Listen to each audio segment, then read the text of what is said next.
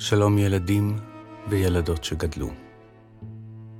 אני תום בייקין אוחיון, ואת הסיפורים האלה כתבתי בשבילכם. 2023 אוטוטו נגמרת, ואפשר להודות שהיא לא הייתה שנה קלה. הרבה שנים לא קלות עברנו, מאז 2020.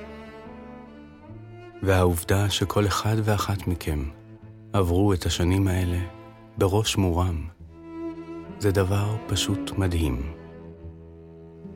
כל הכבוד לכם.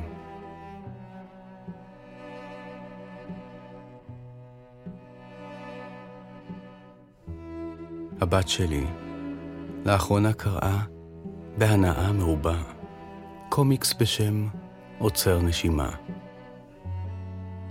זה סיפור מקסים על שני נערים שפוגשים זה את זה ומתאהבים. חשבתי על זה שזה פשוט נפלא שילדים בימינו יכולים ליהנות מספרים כאלה. כשאני הייתי בגילן, הומו הייתה סוג של קללה, ובחורים שהרגישו קצת שונה חשבו שהם צריכים להסתתר ולהתחבא. אבל פעם היה גרוע בהרבה. ההגדה הבאה מוקדשת לקהילה הגאה. שבימים האלה, ימים של מלחמה, מסבה לכולנו גאווה. האזנה נעימה.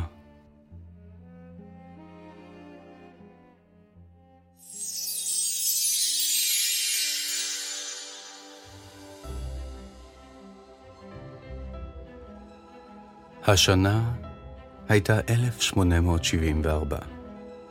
איסלנד זכתה בעצמאות מדנמרק. האימפרסיוניסטים הציגו אומנות חדשה בפריז. לוי שטראוס החל למכור סוג חדש של מכנסיים. ובחור צעיר מאירלנד הגיע ללונדון, נחוש לכבוש את העיר. קראו לו אוסקר ויילד, והיו לו כל הכלים הדרושים למשימה. תואר יוקרתי מאוניברסיטת אוקספורד, מספיק כסף בשביל להיראות כמו השיר. חוש אופנה מופלא, שהבטיח תמיד להשאיר חותם, וכישרון נשגב לשימוש בשפה. הוא כתב ללא רבב, והיה כוכב במסיבות, שכן תמיד ידע לומר את המילה האחרונה, שתמיד הייתה שנונה, מספיק כדי שידברו עליו, גם לאחר שעזב. כשהציעו לו משקה, היה אומר, אני יכול לעמוד בפני כל דבר, מלבד הפיתוי. וכשהציעו לו משקה נוסף, הרים כוסית וקרא, הכל במתינות. אפילו מתינות. כשנשאל למה הוא תמיד מתבדח, השיב, החיים חשובים מכדי לקחת אותם ברצינות. הקסם האישי שלו הצליח להשיג לו הזמנות לכל המקומות הנכונים. לא הייתה מסיבה טובה בלי אוסקר בסביבה. היו לו דעה מקורית ותשובה לכל נושא שיחה. כששאלו אותו איך הוא יודע הכל, השיב, אני לא צעיר מספיק בשביל לדעת הכל. כולם אהבו אותו, כי הוא התנהג בדיוק כפי שרצה, ולא כמו המצופה. אני חייב להיות אני, היה אומר. כל התפקידים האחרים כבר דפוסים.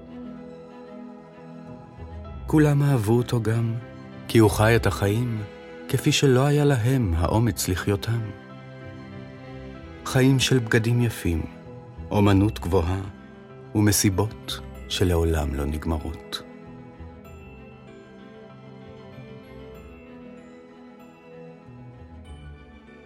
אוסקר ויילד היה להיט גדול עד כדי כך, שאפילו הוזמן לסיבוב הופעות בארצות הברית. מאושר מהצלחתו, נסע לשם, והעביר הרצאות על אומנות וספרות לכל מי שהיה מוכן לשמוע, מקהל בחליפות ועד לעובדים במכרות. כששאלו אותו מדוע אינו מתבייש להסתובב בחברת פועלים פשוטים, השיב, כולנו חיים בביבים, אבל חלקנו מביטים אל הכוכבים. מסעו לווה בסיקורים בעיתונות האנגלית, כך שגם בהיעדרו נותר כנושא השיחה של לונדון. כששמע על כך, חייך ואמר, יש דבר אחד גרוע מכך שמדברים עליך, וזה שלא מדברים עליך. כשחזר ללונדון, חיכו לו הזמנות למסיבות ולהרצאות יותר מכפי שיכול היה לנצל. יש אנשים שמביאים אושר לכל מקום שהם הולכים, ויש אנשים שמביאים אושר כשהם הולכים. אמר לקהל שהקיף אותו, ואלה רק צחקו וצחקו.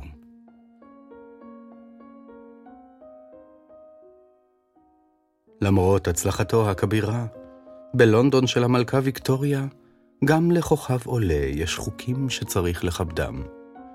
במיוחד אם החברה רוצה להרגיש מהוגנת ומכובדת. בין החוקים האלה היה אחד מתסכל במיוחד. כל גבר מעל גיל מסוים חייב להתחתן ולהקים משפחה. מחויב לחוקי עולמו, אוסקר התחתן עם הליידי קונסטנס לויד, יורשת עשירה שהייתה מקורבת למשפחת המלוכה. היה לשניים בית נאה ומרווח, ושני ילדים מתוקים. אוסקר אהב מאוד את ילדיו ואת משפחתו, אבל ביתם היה כל כך יקר, שלא הייתה לו ברירה אלא להתחיל לעבוד. הוא ניסה לעבוד באוניברסיטה ולכתוב מאמרים רציניים ומשעממים, אבל הרגיש שאומנם חינוך זה דבר נפלא, אבל חשוב לזכור שדברים שבאמת ראוי לדעת, אי אפשר ללמוד. לאחר מכן ניסה להיות עיתונאי ולכתוב מאמרי דעה. אבל הציבור הרחב התקשה להבין מתי הוא רציני ומתי הוא צוחק.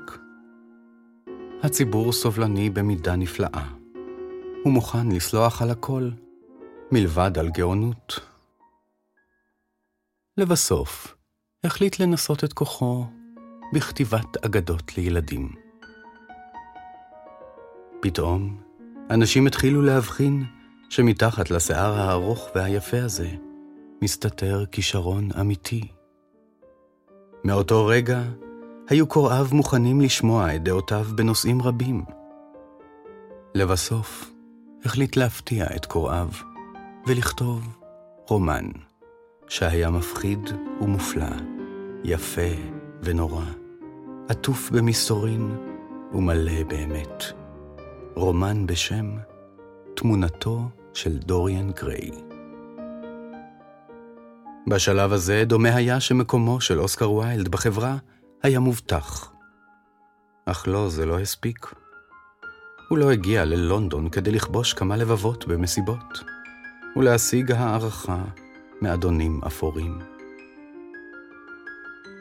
הוא רצה לכבוש את ליבה של העיר, וליבה של לונדון פעם מאז ומעולם מעל בימת התיאטרון.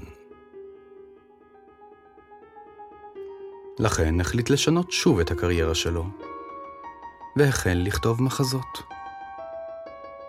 תחילה כתב מחזות רציניים ומכובדים, שהתקבלו ברצינות ובכבוד. לאחר מכן כתב מחזות שנונים, שזכו לביקורות שנונות לא פחות. לבסוף, כתב קומדיה אחת, על טעות שנעשתה בגלל שטות. הוא קרא לה על חשיבותה של רצינות. לאחר ערב הבכורה, מיהרו הכל להלל את הגאון שזרח על ארצם. ערב אחר ערב נמכרו כל הכרטיסים, ובסוף כל הופעה היה ויילד עולה על הבמה ומודה לקהל. כולם צחקו ושיבחו את כישרונו. והוא שמח שהקהל מעריך את ההצגה כמעט כפי שהוא עצמו מעריך אותה. הוא למד שאם אתה רוצה להגיד לאנשים את האמת, עליך לגרום להם לצחוק. אחרת, הם פשוט יהרגו אותך.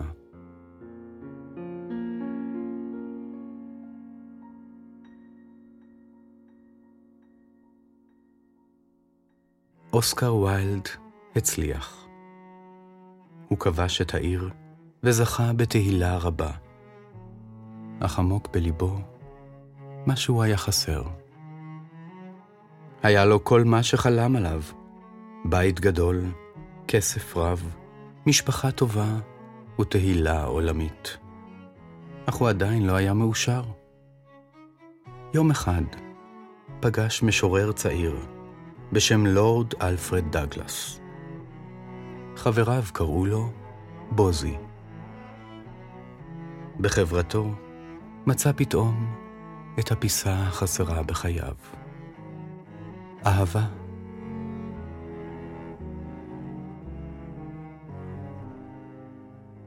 אוסקר אהב את אשתו, אבל כמו שאוהבים את הדודה הטובה שלך, והוא אהב מאוד את ילדיו, אבל זה לא אותו דבר. כאשר בילה עם בוזי, הם דיברו וצחקו, והרגישו שלא חסר דבר בעולם, פרט לזמן יחדיו. הוא לא היה זקוק עוד לכבוש ולנצח, להצחיק ולארח. פתאום היה די רק לטייל ולשוחח. אוסקר אהב את בוזי כמו שאוהבים החברים הכי טובים, או כמו חבר וחברה.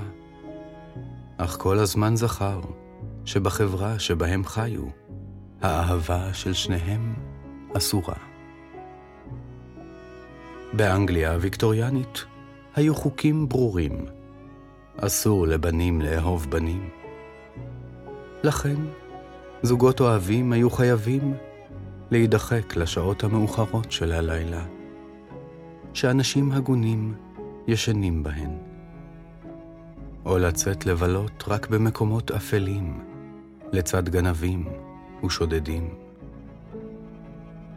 אם לא די בכך, לאוסקר ולאלפרד הייתה בעיה גדולה נוספת. אבא של אלפרד היה ג'ון דגלס, המרכיז של קווינסבורי, שמלבד תואר האצולה שלו, לא היה בו שום דבר אציל. הוא היה גס ואלים, ונהג לקלל בכל משפט שני. לצד המפעלים שלו, שזיהמו את אוויר העיר, ג'ון עצמו היה מפעל של זיהום אווירה. תרומתו היחידה לחברה הייתה קביעת חוקים לקרבות האגרוף, כי בעיניו, לכל דבר בעולם צריך שיהיו חוקים ברורים, אפילו למכות.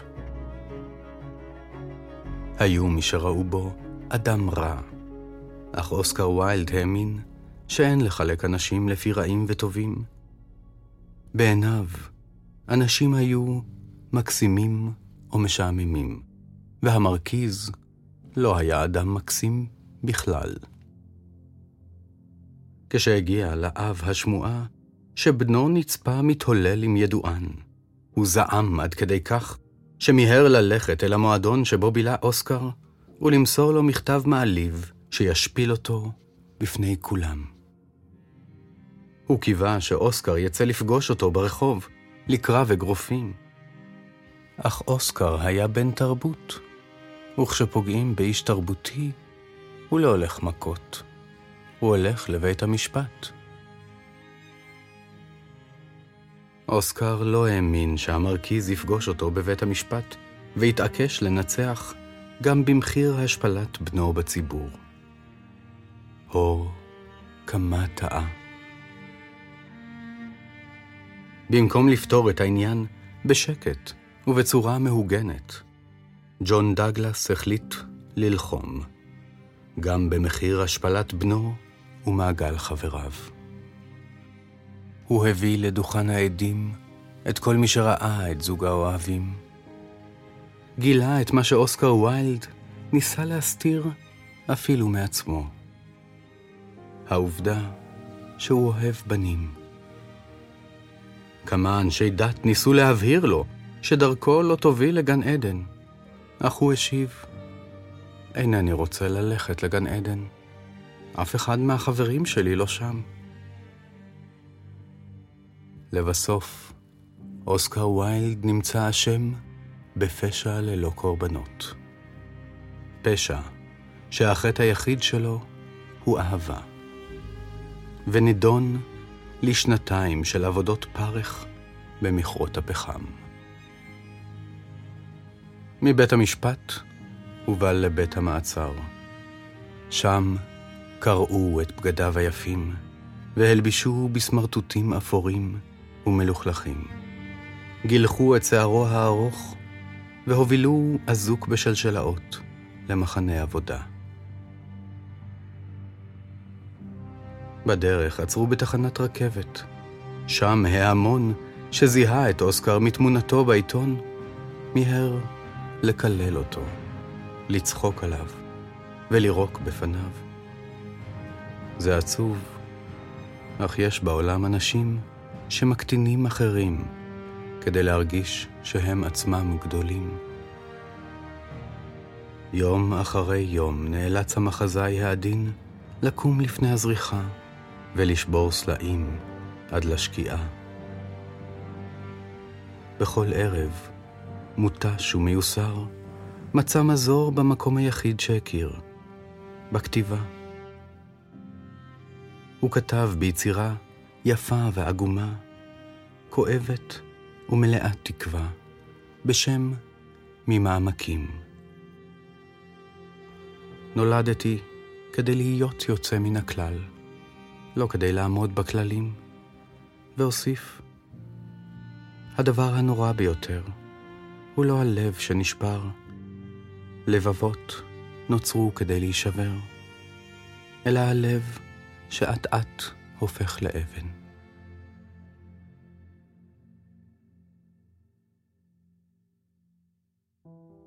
כשסוף סוף יצא משם, חולה, חלש ושבור. ידע שלעולם לא ישוב ללונדון. העיר שנשאה אותו על כתפיה בגאווה, הפנתה לו עתה את גבה. כל המחזות שלו ירדו מהבמה, ואנשים שהציגו עצמם כמהוגנים, זרקו את ספריו למדורה. למרבה המזל, נותרו לו כמה חברים נאמנים. אלה דאגו לו לדירה בבית מלון יוקרתי בצרפת. בנוסף, אשתו שלחה לו דמי מחיה, בתנאי שלא יבייש כך שוב את המשפחה. ונדמה היה שיוכל לחיות כך בגלות בנוחות יחסית. היו לו אוכל טוב ומיטה נוחה. הוא אפילו החל שוב לכתוב, מה עוד רשאי אסיר משוחרר לבקש? אבל האהבה נותרה שם, מחכה לו, ואיתה ההבטחה לאושר אמיתי. מתוך תקווה לזכות בה שוב, כשהוא מודע לסיכון שיש בכך. שלח אוסקר מכתב לבוזי, בו קרא לו לשוב לזרועותיו. הוא עזב את המלון היוקרתי ויצא לרואן. שם התאחד סוף סוף עם אהובו, אחרי שנים של בדידות. השניים יצאו לחופשה בנפולי, מאושרים. כשאשתו של אוסקר שמעה על כך, היא ביטלה את תמיכתה, אבל השניים הצליחו לחיות בצניעות, בזכות דמי הכיס שבוזי קיבל מאמו. על שפת הים, עם השקיעה, ברגעים שקטים של אהבה, אפשר היה לשכוח את ההשפלה והסבל הנוראים שהיו מנת חלקם של השניים. לרגע נדמה היה שהכל יהיה שוב בסדר.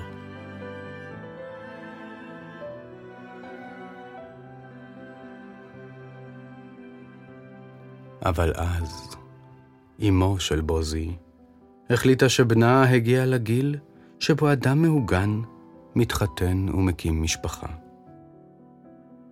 היא כתבה לו שאם לא יחזור מיד הביתה, תפסיק לשלם את מחייתו, והוסיפה שאם אוסקר יואיל לעזוב, היא תפצה אותו על כך בנדיבות.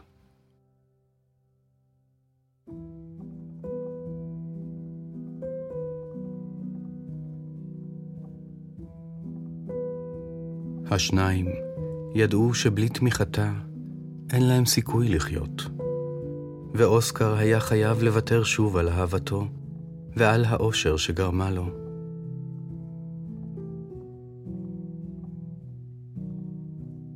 הוא עזב לבדו לפריז. שם ניסה לשווא, לחזור לחיים של מסיבות וכתיבה. אבל הגוף אינו מסוגל לשאת כל כך הרבה מכות.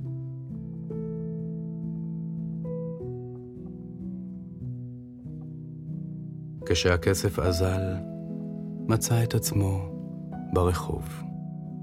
מקבץ נדבות מחברים שהכיר בחייו הקודמים.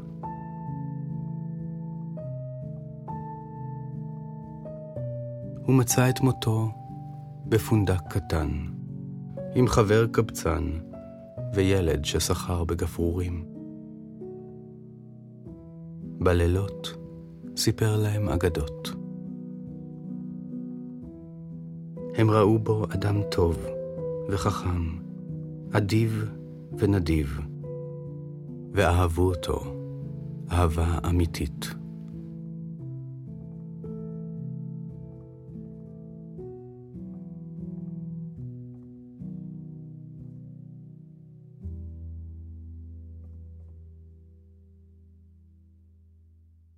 שבעים שנים לאחר מכן, שונה החוק הבריטי. ב-1967 כבר אי אפשר היה לכלוא גברים בשל אהבה לגברים. ובשנת 2000 הרשו להם גם להתגייס לצבא. משנת 2013 כבר היה מותר להם להתחתן ולאמץ ילדים. בשנת 2017 אוסקר ויילד עצמו, עם 50 אלף בני אדם שנמצאו אשמים בשם אהבתם, קיבלו חנינה רשמית מהממשלה הבריטית. לפעמים החיים הם לא אגדה פשוטה ויפה.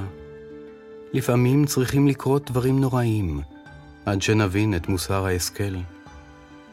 אבל כל עוד אנו לומדים שאין שום דבר רע באהבה, ושאסור לאסור משהו מתוך שנאה או קנאה, יש עדיין אור בקצה המנהרה. כשאתם חושבים על בנים שאוהבים בנים, או בנות שאוהבות בנות. זה נשמע לכם מוזר? מה יכול לגרום לדעה כזאת להשתנות? אם אהבתם את ההגדה, ואתם רוצים לתמוך ביצירה שלנו, אתם מוזמנים לרכוש את הספרים שלנו מאתר הוצאת פנק. או לתמוך בפטריון של אגדות אמיתיות. אם אתם רוצים שאגיע לבית ספריכם ואספר לכם אגדות חדשות, ניתן לעשות זאת דרך סל תרבות ארצי, או דרך גפן. ואם רק תסתכלו טוב טוב, תראו שכל אחד ואחת מכם הוא כבר גיבור של אגדה.